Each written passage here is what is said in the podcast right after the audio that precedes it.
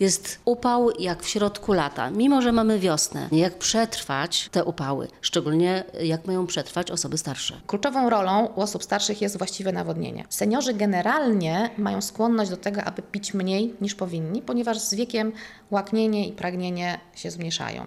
W związku z tym to, co my nawet mówimy naszym pacjentom, żeby niezależnie nawet czy jest ciepło czy zimno, zawsze, żeby senior w torebce miał butelkę, małą buteleczkę wody. Dużo dosyć piję, staram się, nie bardzo mi się chce, ale piję wodę, piję, noszę ze sobą. Mniej jem, a więcej piję. Warto każdy dzień zacząć od wypicia dwóch szklanek wody. To jest normalne u seniorów, że im się nie chce pić, że oni przez cały dzień potrafią wypić dwie szklanki, ale to jest bardzo niezdrowe.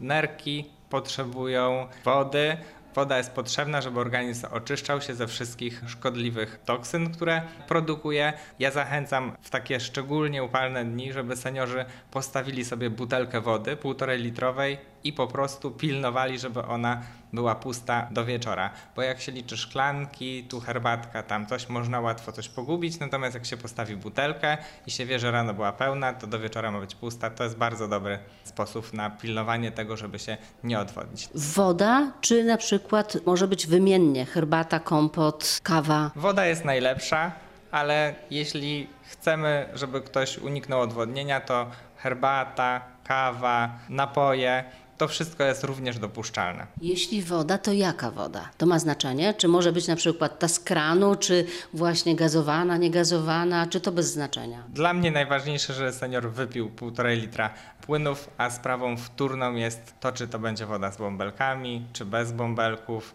czy woda z kranu, czy przygotowana. To nie ma aż tak dużego znaczenia. Myślę, że może pamiętajmy tylko o tym, że żeby płyny, które spożywają seniorzy, nie były płynami nadmiernie słodkimi. Wiele osób ma cukrzycę i picie słodkich płynów słodzonych nie jest dobrym pomysłem.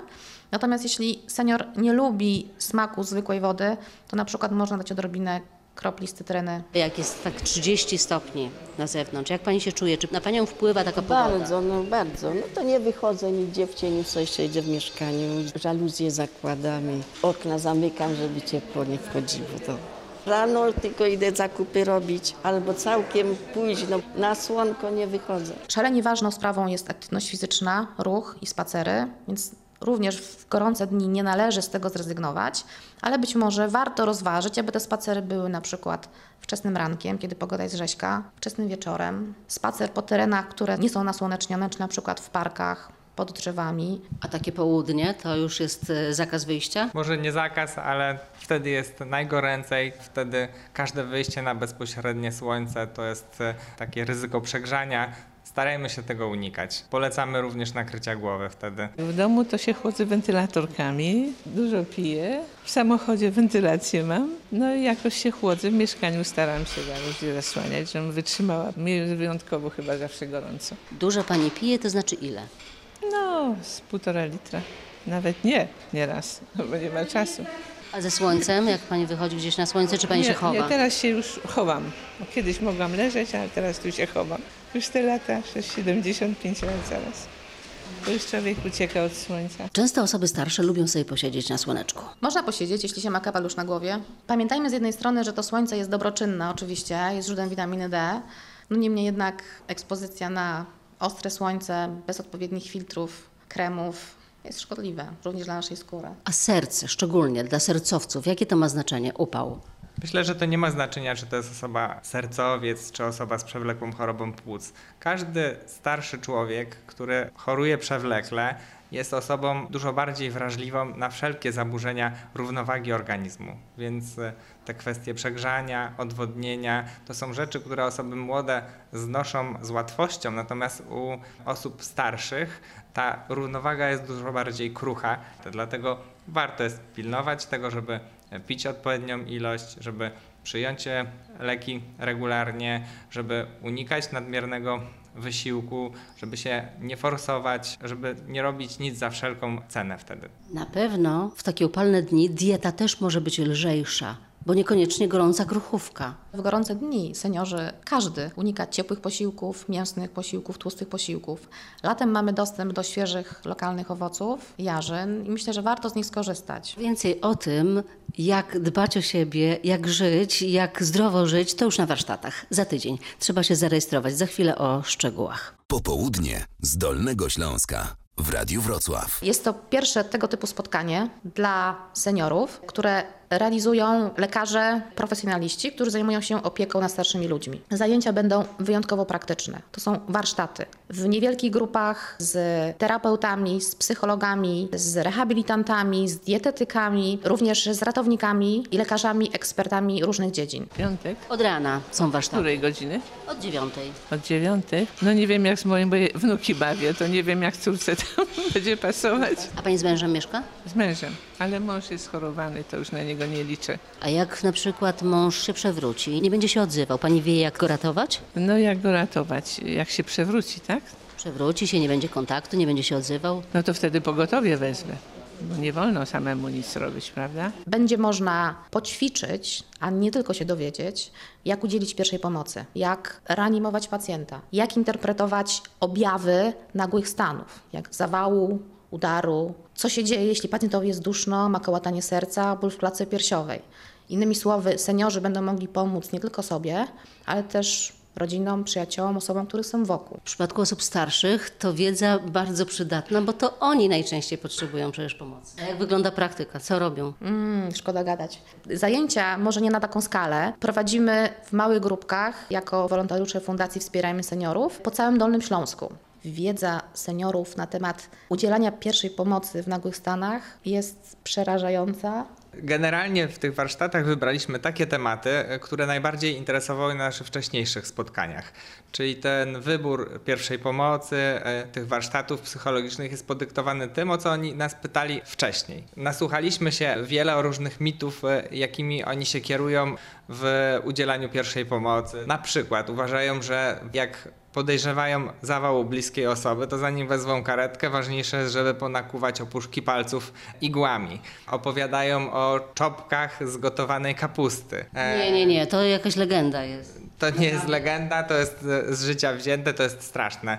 My byliśmy w szoku, bo jakby największym źródłem wiedzy dla wielu seniorów są notatki wycinane z różnych popularnych miesięczników dla kobiet. Nie lekarz, nie pielęgniarka, tylko taka popularna prasa. Pierwsza rzecz to zachowanie spokoju w takiej sytuacji nagłej. Taka osoba starsza często wpada w panikę po prostu. Dokładnie. I my chcemy powiedzieć seniorom, co ocenić u takiej osoby, jak zareagować, jaki numer chociażby telefonu wykręcić, żeby właśnie uniknąć paniki. W ogóle sam fakt oswojenia ich z tym, że trzeba podejść, nie bać się takiej osoby, że to już jest e, największą wartością. Największym problemem jest taka obojętność, która wynika z tego, że ludzie się boją, że nie chcą, że boją się, że zaszkodzą, że nie wiedzą e, co zrobić, to lepiej staną z boku. Co zrobić? Podejść, spróbować złapać kontakt z tą osobą. Jeżeli nie potrafią nawiązać kontaktu z tą osobą, to jeśli potrafią, sprawdzić, czy ta osoba oddycha i natychmiast zadzwonić po pogotowie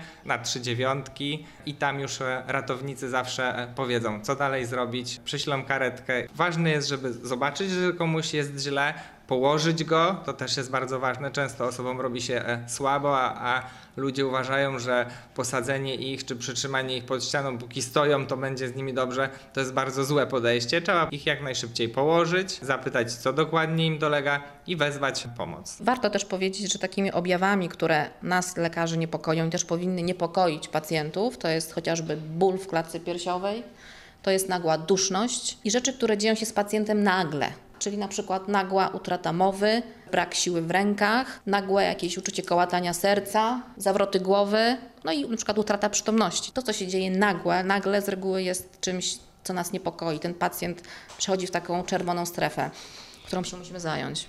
Często lekarze czy pogotowie skarży się na to, że pacjenci nadużywają pogotowia i wzywają zbyt często, ale w przypadku osób starszych czasem działa mechanizm wręcz odwrotny, że nie, nic mi nie będzie, co się będę, co będę zawracał głowę. To wynika też przede wszystkim ze strachu. Myślę, że z jednej strony seniorzy boją się czasami tego, co się dzieje wokół, tak? Czyli boją się, że coś się dzieje z ich partnerem, kimś z rodziny i boją się zareagować, a wydaje mi się, że jeśli coś się faktycznie dzieje nagle, to ten telefon jest konieczny. Spotkania z seniorami są właśnie po to skonstruowane, żeby podkreślić czy pokazać seniorom takie sytuacje, takie problemy, które ewidentnie powinny nakłaniać ich do pilnego wezwania pierwszej pomocy. Teraz jeszcze problem w tym, żeby wyciągnąć ich z domu, żeby oni rzeczywiście przyszli na te wasze warsztaty. Co trzeba zrobić? To jest rzeczywiście problem. Jednym właśnie z naszych e, celów naszej fundacji i grupy ludzi, wolontariuszy, którzy pracują z nami,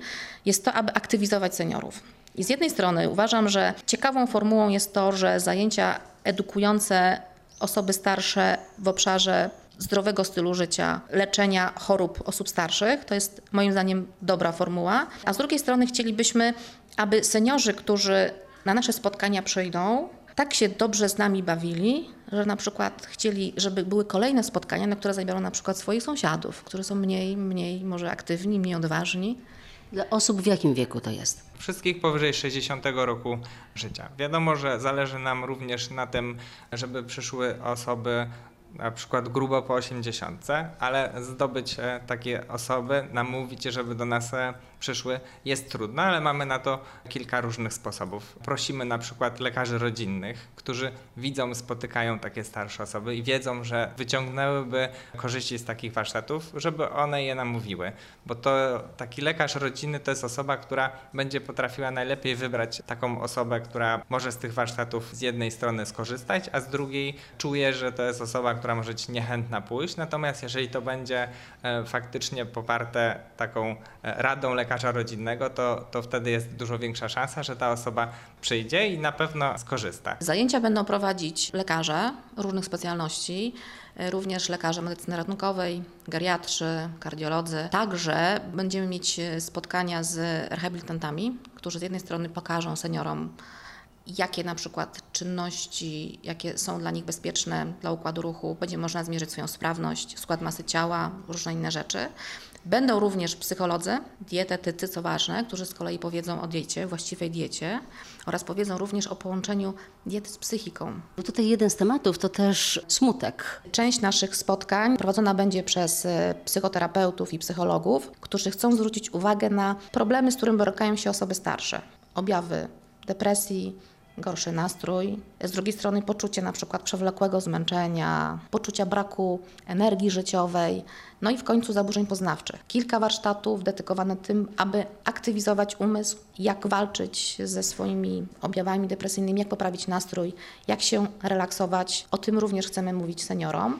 I co ważne, będziemy też chcieli podkreślić silny związek pomiędzy psychiką, dietą i aktywnością fizyczną. Nawet będą warsztaty poświęcone psychodietetyce, które mówią o tym, że to, co jemy, jak jemy, ma wpływ na naszą psychikę i odwrotnie. Ale to jest tak, że osoby starsze często mają już nawyki żywieniowe i jedzą od lat po prostu tak samo. Dlatego właśnie trudno to jest zrobić jednym prostym poleceniem. Dlatego pani psycholog podpowie różne sztuczki, w jaki sposób ugryźć ten temat, jak do tego podejść, jakie drobne rzeczy zmienić w swoim życiu, żeby finalnie zaowocowało to właśnie zmianą sposobu żywienia się na zdrowe odżywianie się. Jeżeli ktoś mówi, że a gdzie tam będę szedł, w ogóle nie chcę nikogo widzieć, tu w domu mi jest lepiej, a widać, że rzeczywiście takie zajęcia przydałyby się, no nie wiem jeszcze jak nakłonić te osoby po prostu do tego.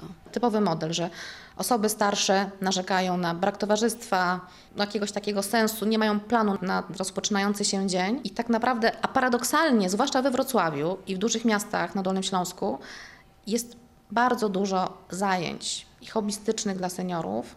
Zajęć edukacyjnych, prozdrowotnych jest mało, dlatego my chcemy, nasza fundacja chce zaproponować właśnie e, mieszkańcom Dolnego Śląska tego typu zajęcia. Wydaje mi się, że to jest rola rodziny jednak i osób najbliższego otoczenia, aby te starsze osoby wyciągały, wyciągały z domu.